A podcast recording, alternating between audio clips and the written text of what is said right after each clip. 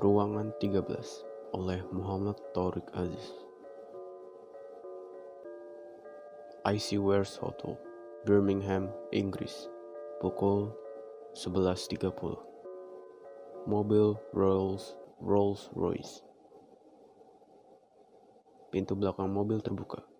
Seorang Dennis Berg 40 tahun yang tangannya menumpu tongkat berkepala perak mengkilat melangkah keluar.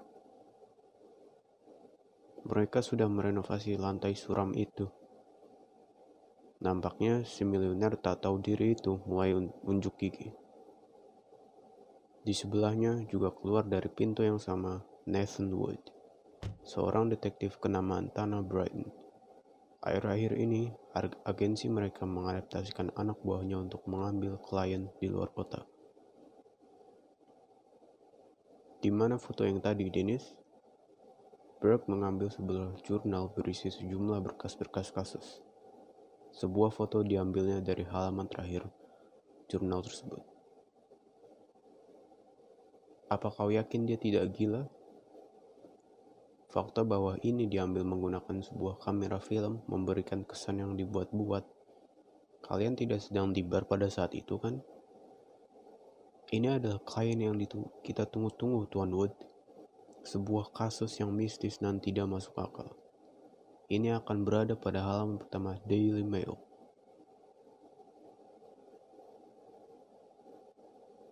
Lobby Hotel. Pria parubaya, jas yang terlihat berantakan dan raut muka gelisah. Cara berbicara yang menggunakan dialek Irlandia Utara menandakan dia bukan berasal dari tempat yang berlingkungan kaya ataupun daerah perkotaan. Ah, syukurlah kalian datang. Ini adalah hari tergenting yang pernah terjadi dalam hidup saya. Ah, senang bertemu lagi dengan Anda. Ini Tuan Wood. Tuan Wood, ini Tuan Stevens. Panggil saja George. Saya seorang penggemar film dan fotografi.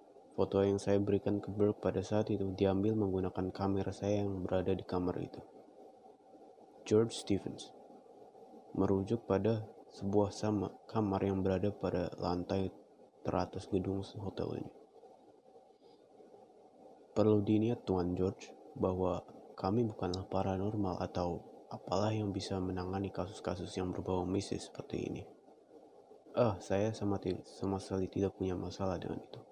Ditambah lagi, saya pernah punya masalah dengan paranormal. Lantai 8, tepat di depan di depan ruangan 12. Lantai terbuat dari kayu yang masih agak rapuh karena belum selesai direnovasi. Dinding masih mengkilap karena baru dicat sekitar 4 hari yang lalu. Ruangan 12 ini adalah ruangan terakhir yang dipesan orang, di mana orang itu adalah Tuan Stevens yang melapor kejadian ini. Belum ada seorang pun yang memesan kamar 13 sampai 15. Uh, for your information, gedung Hotel Icewares memiliki 8 lantai, dengan setiap kamar memiliki 15 kamar. Setiap lantai memiliki 15 kamar, kecuali lantai pertama yang merupakan lobby.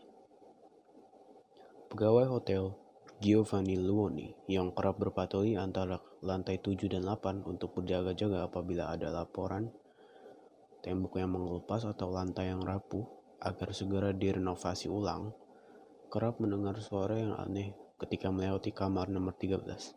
Loni mengira itu adalah suara Tuan Stevens yang berada di kamar 12. Namun setelah melihat foto yang ditunjukkan Wood, yang ditunjukkan Wood, dia menjadi semakin yakin ada fenomena yang aneh di kamar nomor 13 tersebut. Foto yang diambil Tuan Stevens itu menunjukkan jendela kamar nomor 12 yang tembus pandang ke jendela kamar nomor 13 yang dipisahkan oleh sebuah balkon. Jendela dibuat sebagai ventilasi. Setiap kamar lantai 7 dan 8. Hal ini dikarenakan tidak adanya pendingin ruangan di setiap kamar lantai 7 dan 8 sehingga pemilik bangunan yang merupakan miliuner kenamaan tersebut memerintahkan perenovasi membuat balkoni sebagai perpisahan sekaligus jendela di setiap kamar. Di dalam foto tersebut tampak sebuah siluet berbentuk pria tinggi yang berdiri di jendela. Ditampakkan juga lampu kamar yang berwarna jingga menyala, terang. Keempat orang tersebut mengetuk kamar secara bergantian. Tidak ada jawaban dari dalam. Luoni membuka kamar tersebut menggunakan kunci hotel. Tidak ada apa-apa di dalam. Ruangan kosong. Tidak ada furniture apa pun di dalamnya. Mereka akhirnya turun ke lobby untuk memesan bir dan bermain kartu bersama. Keesokan harinya, pukul 9. Tuan Stevens berlari terbirit-birit ke kamar delapan di lantai tujuh. Kamar Tuan Wood dan Burke. Tuan Wood, Dennis, ini sebuah kejadian. Ini fenomena.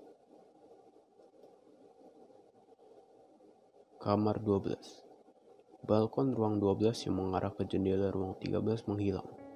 Kini hanya terdapat balkon ruang 13 yang memisahkan antara ruang 12 dan 13. Ini sebuah fenomena, Tuan Wood. Wood memanggil Luoni selaku penjaga hotel untuk membuka kamar. Kamar terbuka. Sebuah tangan besar berkuku panjang, pergelangannya dipenuhi cairan merah darah, menjulur keluar dari ruangan 13 tersebut. Wood segera menarik badan Luoni dan menutup pintu kamar 13. Seluruh pegawai hotel terkejut akan fenomena ini. Wood segera memanggil polisi dan ambulans ke lokasi pukul setengah sebelas. Seluruh unit polisi tiba di lokasi dan menginterogasi kamar 13 tersebut. Tidak ditemukan siapa-siapa. Hanya saja ditemukan sepucuk surat yang ditempel perangko menggunakan darah. Isi surat tersebut kemudian dibuka Wood. Charles Verdin, 17 Juni 1899. Aku sudah muak dengan pekerjaan ini. Tuan Ingram adalah orang yang brengsek. Singkat, singkat cerita diungkap bahwa siluet pria yang tampak di foto Tuan Stevens merupakan Charles Ferdinand, seorang tukang bangunan yang bunuh diri ketika mengerjakan renovasi lantai 8 gedung Icewares. Diduga motif bunuh diri pria tersebut adalah karena Ingram Frank, miliuner pemilik Gedung tersebut mengancam akan membunuh seluruh keluarganya jika Charles mengungkap rahasianya dan memaksa Charles untuk bekerja di bawahnya. Ingram Frank kemudian ditangkap dan dibawa ke pengadilan karena dugaan penggelapan hutan dan pengancaman pembunuhan.